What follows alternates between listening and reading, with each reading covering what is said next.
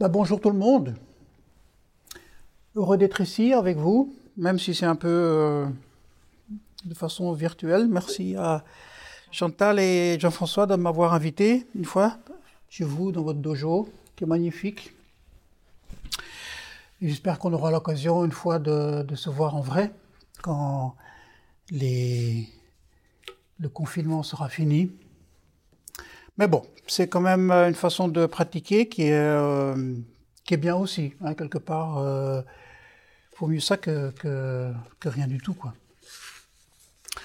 Donc voilà, je, je vais un peu continuer sur euh, ce que je disais dans le Kusen par rapport à être saisi, comprendre, prendre, être... Euh, voilà, tout, tout ça. Parce que je crois que c'est...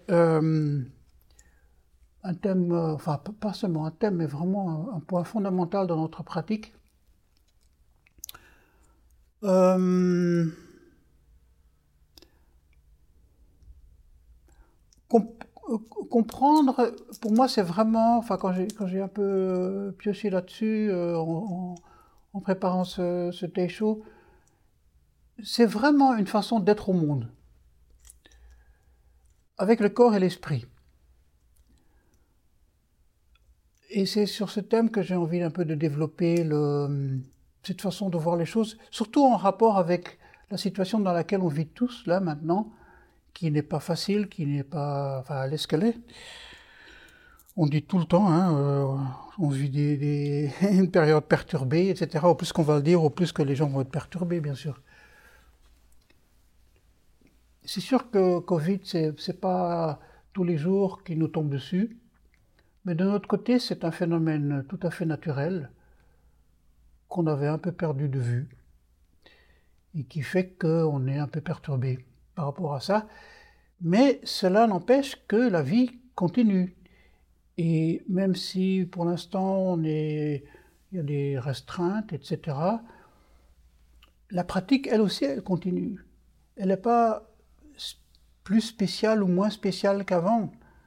Euh, même si on doit utiliser ces moyens un peu techniques pour pouvoir pratiquer ensemble, au fond c'est la même chose. On est toujours dans le même corps-esprit. Et donc euh, je pense qu'il y a quelque chose là à, approfondir et à, et à mettre en valeur. Je pense que dans la façon dont on, encore une fois, je vais essayer de faire les deux, hein, donc de parler un petit peu du dharma, mais c'est complètement lié au, quotidien. Et donc de parler de notre quotidien maintenant, de, et euh, c'est pas séparé. Et je relisais euh, quelques phrases dans le euh, Zazen Yojinki de Maître Keizan. Comme vous savez, c'est, enfin, je suppose que vous savez, c'est un, ben, j'ai lu ici. Ça, c'est les commentaires que mon maître a fait là. C'est un manuel de méditation. Maître Kaizen, c'est euh, le XIVe siècle, si je ne me trompe pas. Il vient deux générations après Maître Dogen.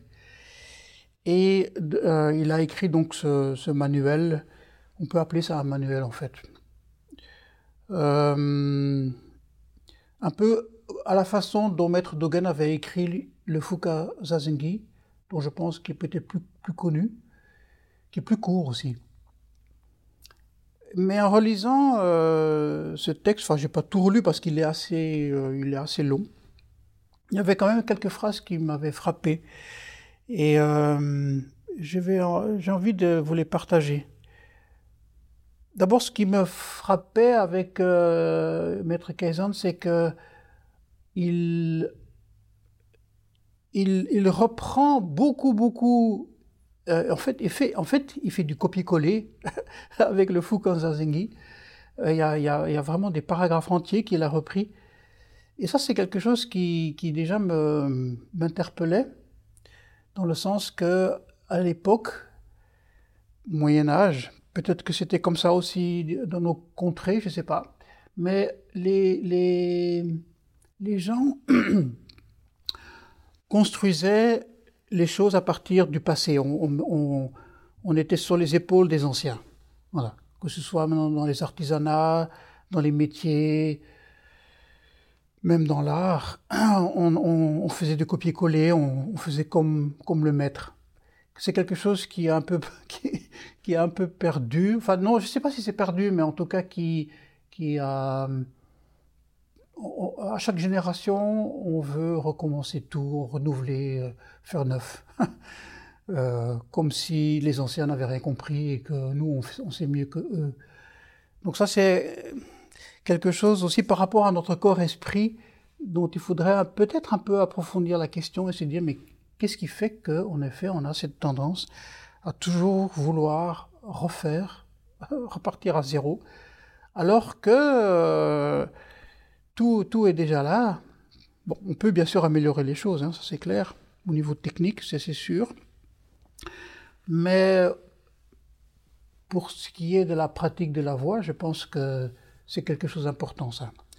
De, de, faire confiance aussi aux, anciens. Et euh, rien déjà par le fait qu'ils ils ont, ils ont pratiqué avant nous. Voilà. Euh, Bon, je vais vous lire la phrase là qui m'avait frappé, que j'aime beaucoup. Maître Kaizen il dit Cela a toujours existé, mais n'a toujours pas de nom. Le grand maître, le troisième patriarche, Sosan, l'appelait temporairement l'esprit. Non, esprit. L'appelait temporairement esprit et le vénérable Nagarjuna l'appelait temporairement corps. De là jaillissent le corps et la forme, et la forme des Bouddhas. Cela donne naissance au corps de tous les Bouddhas. Rien ne lui manque, rien n'est en trop. Voilà. Euh, d'abord, quand il dit cela, Bon, c'est sûr que c'est un extrait, hein, euh, mais les paragraphes avant sont pas très explicites non plus par rapport à ça. Mais je pense qu'il essaye de désigner, de nommer, de saisir, peut-être, quelque chose qui est impossible à nommer, à, à désigner ou à saisir, et qui est donc ce que tout à l'heure j'appelais notre capacité d'éveil, notre pratique en fait. Et donc, euh, la nature de Bouddha, on dit aussi. Mais le problème qu'on a quand on essaye de nommer les choses, ce qui est parfois nécessaire, Hein, certainement pour la vie quotidienne, pour les choses euh, de tous les jours, euh, pour pouvoir communiquer, on a besoin des mots. Mais avec la pratique, c'est un, peu différent, il me semble. Quand on dit, même, même quand on dit zazen, c'est, on dit déjà de trop, ou on dit trop peu. Euh, Trop parce que justement, ce qu'on ressent en pratiquant, c'est tellement euh, vaste, oui, utilisons ce mot, que si on dit zazen, c'est c'est pas suffisant d'un côté, hein, parce que c'est et d'un autre côté, c'est déjà de trop parce qu'on on, fige quelque chose. On dit seulement s'asseoir. Hein, Zazen, ça veut dire ça. Seulement s'asseoir. Et alors, dans la tête de beaucoup de gens, c'est Ah bon, bah alors, voilà. C'est. Donc, on a déjà trop, trop figé les trucs là, en utilisant même déjà ce mot, Zazen. Donc, il est dans tout son texte, euh, quand il parle de notre pratique du zazen, de la nature de Bouddha, de notre esprit d'éveil, ben, il utilise des formules poétiques pour essayer de de ne pas figer les choses, justement, de ne pas. Et de ne pas en dire de trop. C'est pour ça que, et ça, j'aime beaucoup, beaucoup dans, cette phrase, qu'il il, euh, il fait. Euh, hum, comment dirais-je Il parle de Maître Sosan, hein, le troisième patriarche. Donc, euh, il y a eu toute une lignée de, pratiquants de Bouddha en Inde. Et le troisième patriarche, comme, comme le dit euh, Kaizan, c'est la, lignée qui a commencé en Chine, avec Bodhidharma, qui a été donc ce moine. On ne sait même pas s'il a existé, mais ça, c'est vraiment pas le problème. Il y a eu des moines indiens qui sont venus en Chine. Bon, il y en a un, on l'appelle Bodhidharma. Il y a eu Maître Eka, son premier disciple, et puis il y a eu Sozan. Et il dit, euh, il dit donc, ce, qui n'a pas, donc cela a toujours existé, hein, mais n'a toujours pas de nom. On ne peut pas le nommer, justement. Et c'est pour ça que Sozan l'a appelé temporairement et temporairement, c'est vraiment euh, fondamental ici, il l'a appelé esprit. Et pourquoi? Parce qu'il y a un texte de Maître Suzanne qui s'appelle le Chinjin Mei et qui euh, quand on traduit le, titre, c'est le poème de la foi dans l'esprit. Voilà. Donc il fait allusion à, à ce texte-là. Et ce que, encore une fois, j'aime beaucoup, euh, c'est, il dit, c'est provisoirement. Et je pense qu'en effet, on devrait faire beaucoup, beaucoup plus de plus, euh, beaucoup plus de choses de façon provisoire. De ne pas, encore une fois, il n'y a rien de définitif. Il n'y a rien de ficelé. Il n'y a rien de de, figer dans la pratique. Et quand on dit provisoirement, on y va avec douceur, avec euh, précaution. On se dit, bah, esprit. Il n'y a rien de. Quand on dit provisoirement, il n'y a rien de clos.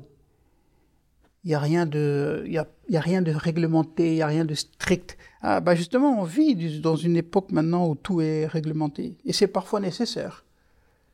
Ça, c'est parfois nécessaire. Mais, s'il vous plaît, ne réglementons pas la pratique. Parce que là, en ce moment-là, on est mal barré. Il y a un contexte dans le dojo, c'est sûr. Hein. On rentre avec le pied gauche, par exemple, on fait gâchot. Il y a comme ça des petites choses. Mais ça, c'est le contexte. C'est pour euh, donner les, conditions les plus favorables possibles afin de pouvoir retrouver cette, paix de zazen. Voilà. C'est à ça que ça sert, ces petites règles.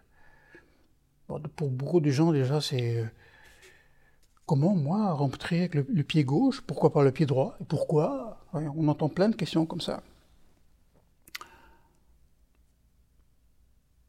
Voilà, donc provisoirement. D'ailleurs, quand j'ai bon, alors j'ai un peu repris, du coup, j'ai un peu repris le Shinjin Mei. Hein, et euh, il y a euh, plus ou moins au début de ce poème euh, quelques vers qui sont aussi intéressants et qui sont un peu en rapport avec ce que j'ai envie de dire aujourd'hui par rapport à ce corps-esprit.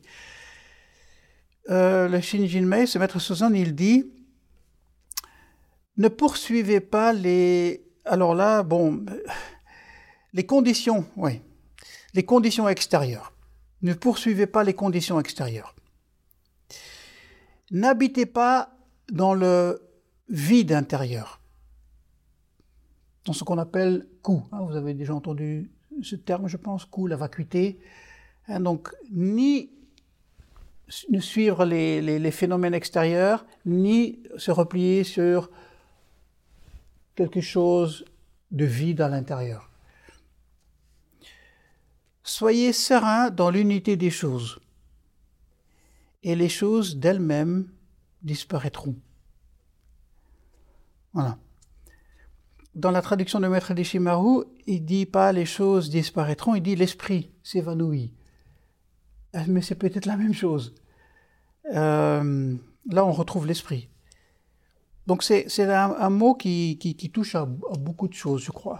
Je ne connais pas les, termes qui ont été utilisés en chinois, donc là malheureusement c'est pas, je ne peux pas vous en, dire plus que ça. Donc on doit vraiment se baser sur des traductions. Mais euh, soyez serein dans l'unité des choses. Aussi unité corps-esprit. Dans notre culture, on a beaucoup, beaucoup séparé les deux, depuis très longtemps même. Hein, déjà à l'époque de Platon, euh, il y avait cette distinction. Et puis bon, depuis euh, le, XVIIe siècle, Descartes et tout, euh, ça, ça, a été, ça a été dramatique. La façon dont en Occident on a coupé cette relation corps et esprit alors que c'est une entité. Et ça, c'est quelque chose que vous, avez déjà ressenti si vous pratiquez Zazen, ce qu'on ressent profondément par la pratique. C'est cette unité de l'un avec l'autre. Donc voilà, trouvez la paix, hein, soyez serein dans l'unité des choses, dans l'unité du corps-esprit. Et d'elle-même, l'esprit va disparaître, le corps va disparaître. Et ça, c'est justement ce que Maître Kaysan continue. Hein.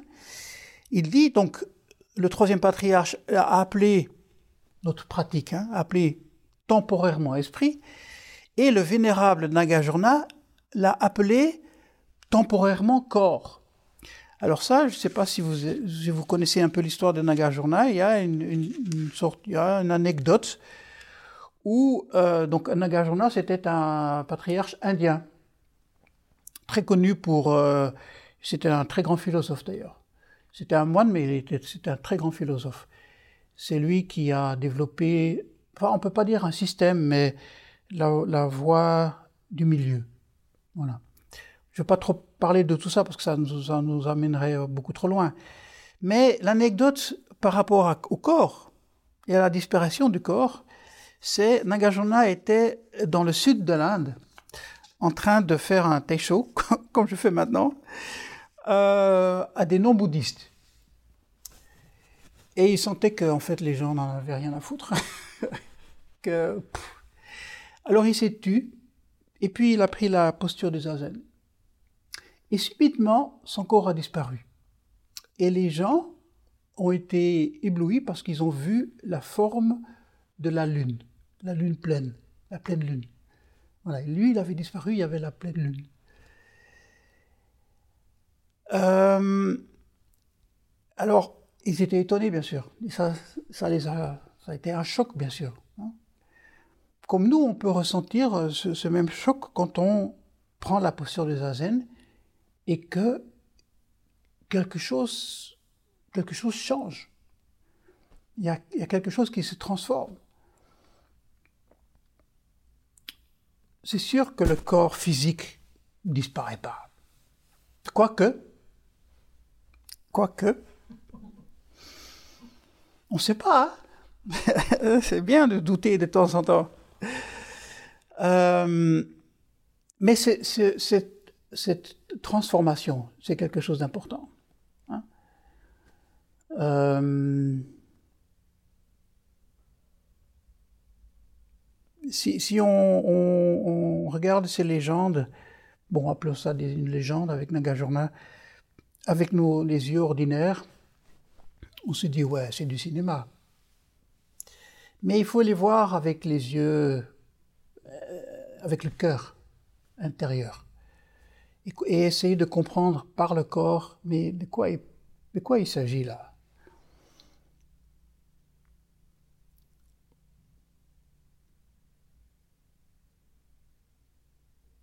En zazen, quand on est en zazen, on, ça, on peut vraiment le ressentir.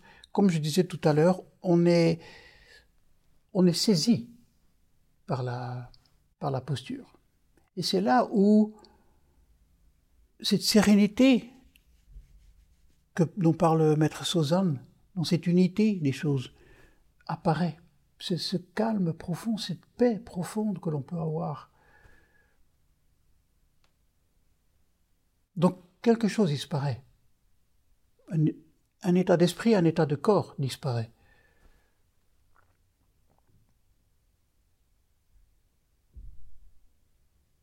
Voilà, moi je crois profondément à ça. C'est le zazen en, étant une pratique de transformation. C'est aussi accepter, être ouvert à cette transformation. C'est sûr qu'au fond, entre guillemets, rien ne change?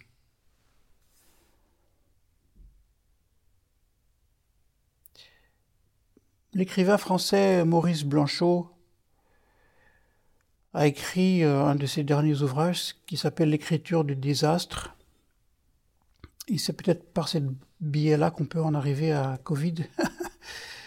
euh, et la toute première phrase de ce, de ce livre, c'est Le désastre ruine tout en laissant tout en l'état. moi, ça me, plaît beaucoup parce que on est là au-delà de cette distinction que l'on met toujours entre euh, le bien, le mal, euh, les, choses négatives, les choses positives, toujours ces distinctions, ces, dualités corps, esprit. Alors que là, encore une fois, on pourrait dire, au lieu de le désastre, l'éveil ruine tout, transforme tout, mais laisse tout en l'état. C'est l'histoire de Nagarjuna, il me semble, qui faisait simplement zazen, et puis les gens voyaient la pleine lune. Alors, peut-être qu'il faut un désastre pour faire apparaître Bouddha. Peut-être qu'en effet, Covid, là maintenant, qu'on pourrait considérer comme une sorte de, désastre, euh, est peut-être une bonne chose pour faire, pour faire encore mieux apparaître le Bouddha, les Bouddhas. Parce que la phrase continue hein, de Maître Kaizen.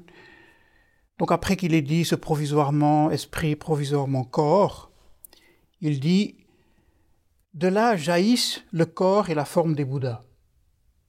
Justement, à partir de ça tout ce contexte que je viens d'expliquer.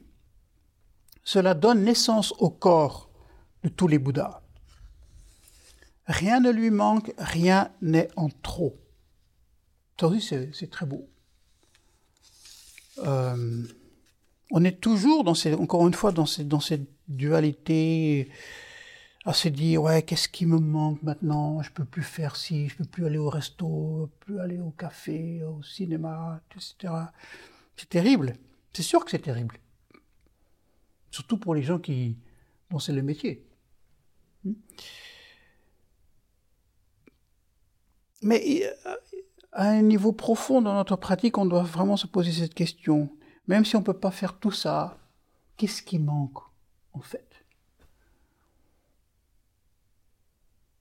Oui, oui, il manque plein de choses. Moi, vous me manquez là maintenant. J'aurais plutôt préféré que vous soyez ici dans cette pièce, dans ce dojo, et qu'on se voit ensemble.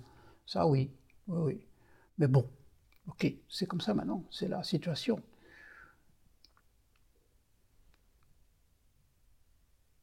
Dans la pratique, rien ne manque. Même, quoi qu'il en soit, même la pratique avec COVID. Avec COVID. Et c'est ça qu'il faut qu'on approfondisse.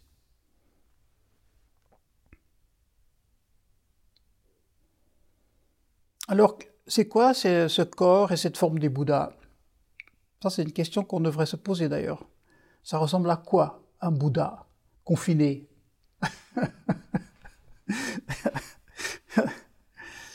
La pleine lune peut-être.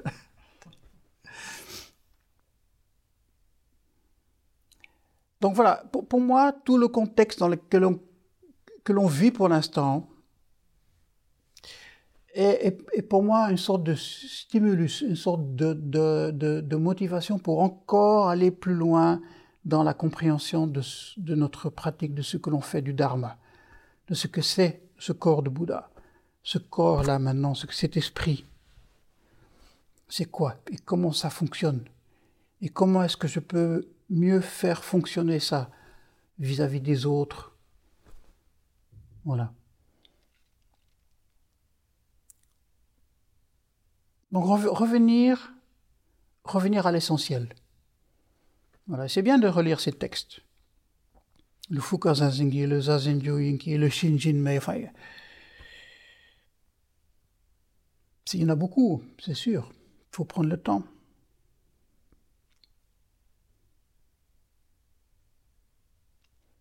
Qu'est-ce qu'on fait de soi dans cette période de pandémie? Qu'est-ce qu'on fait de ce corps-esprit euh,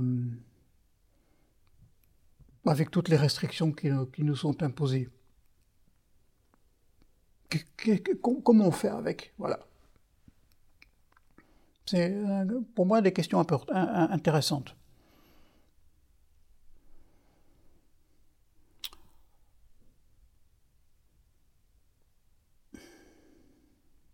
Par exemple, c'est qui, pour moi, je vais un peu terminer là-dessus, quelques petites choses pratiques peut-être.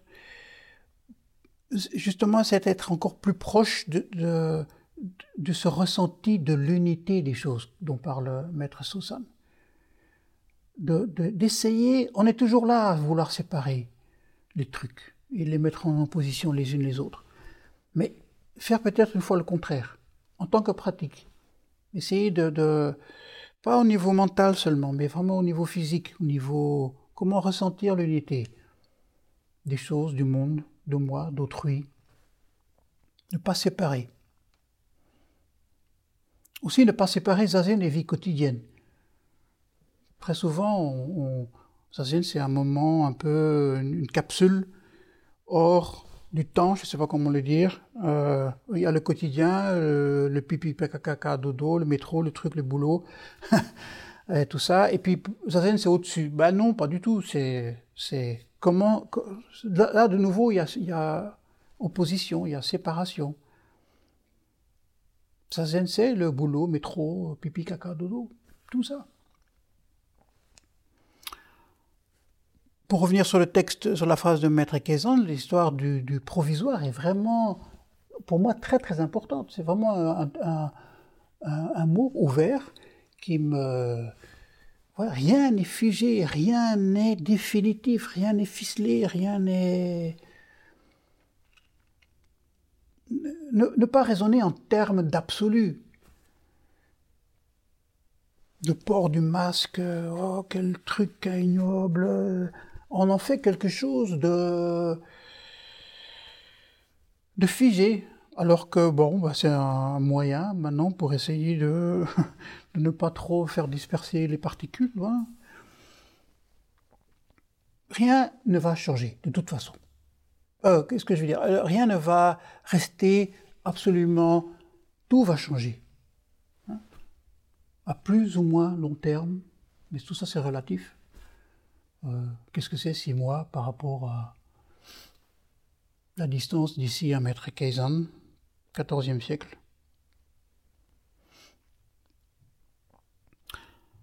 Voilà. Euh, et puis être attentif à, la transformation des choses, justement. Hein. Que les choses se transforment, disparaissent, s'évanouissent.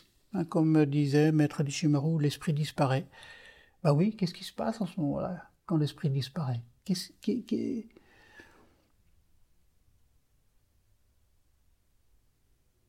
Et je voudrais terminer sur une phrase, parce que tout, ça, ça va à, ça, en fait. Euh, c'est une phrase de l'écrivain français euh, Simone Weil, qui était pour moi vraiment une mystique aussi. Quelqu'un qui, dans sa euh, dans sa relation à sa foi juive et, chrétienne, elle avait un peu les deux. dit des phrases, des choses vraiment fondamentales. Elle dit, par exemple, quelque chose que d'ailleurs Maurice Blanchot reprend, très, très étonnant ça, dans son l'écriture du désastre. Donc cette phrase qu'elle dit, mais il n'y a à mes yeux de grandeur que dans la douceur. Et Blanchot, lui, il dit, il continue et dit s'effacer, penser, s'effacer. Le désastre de la douceur.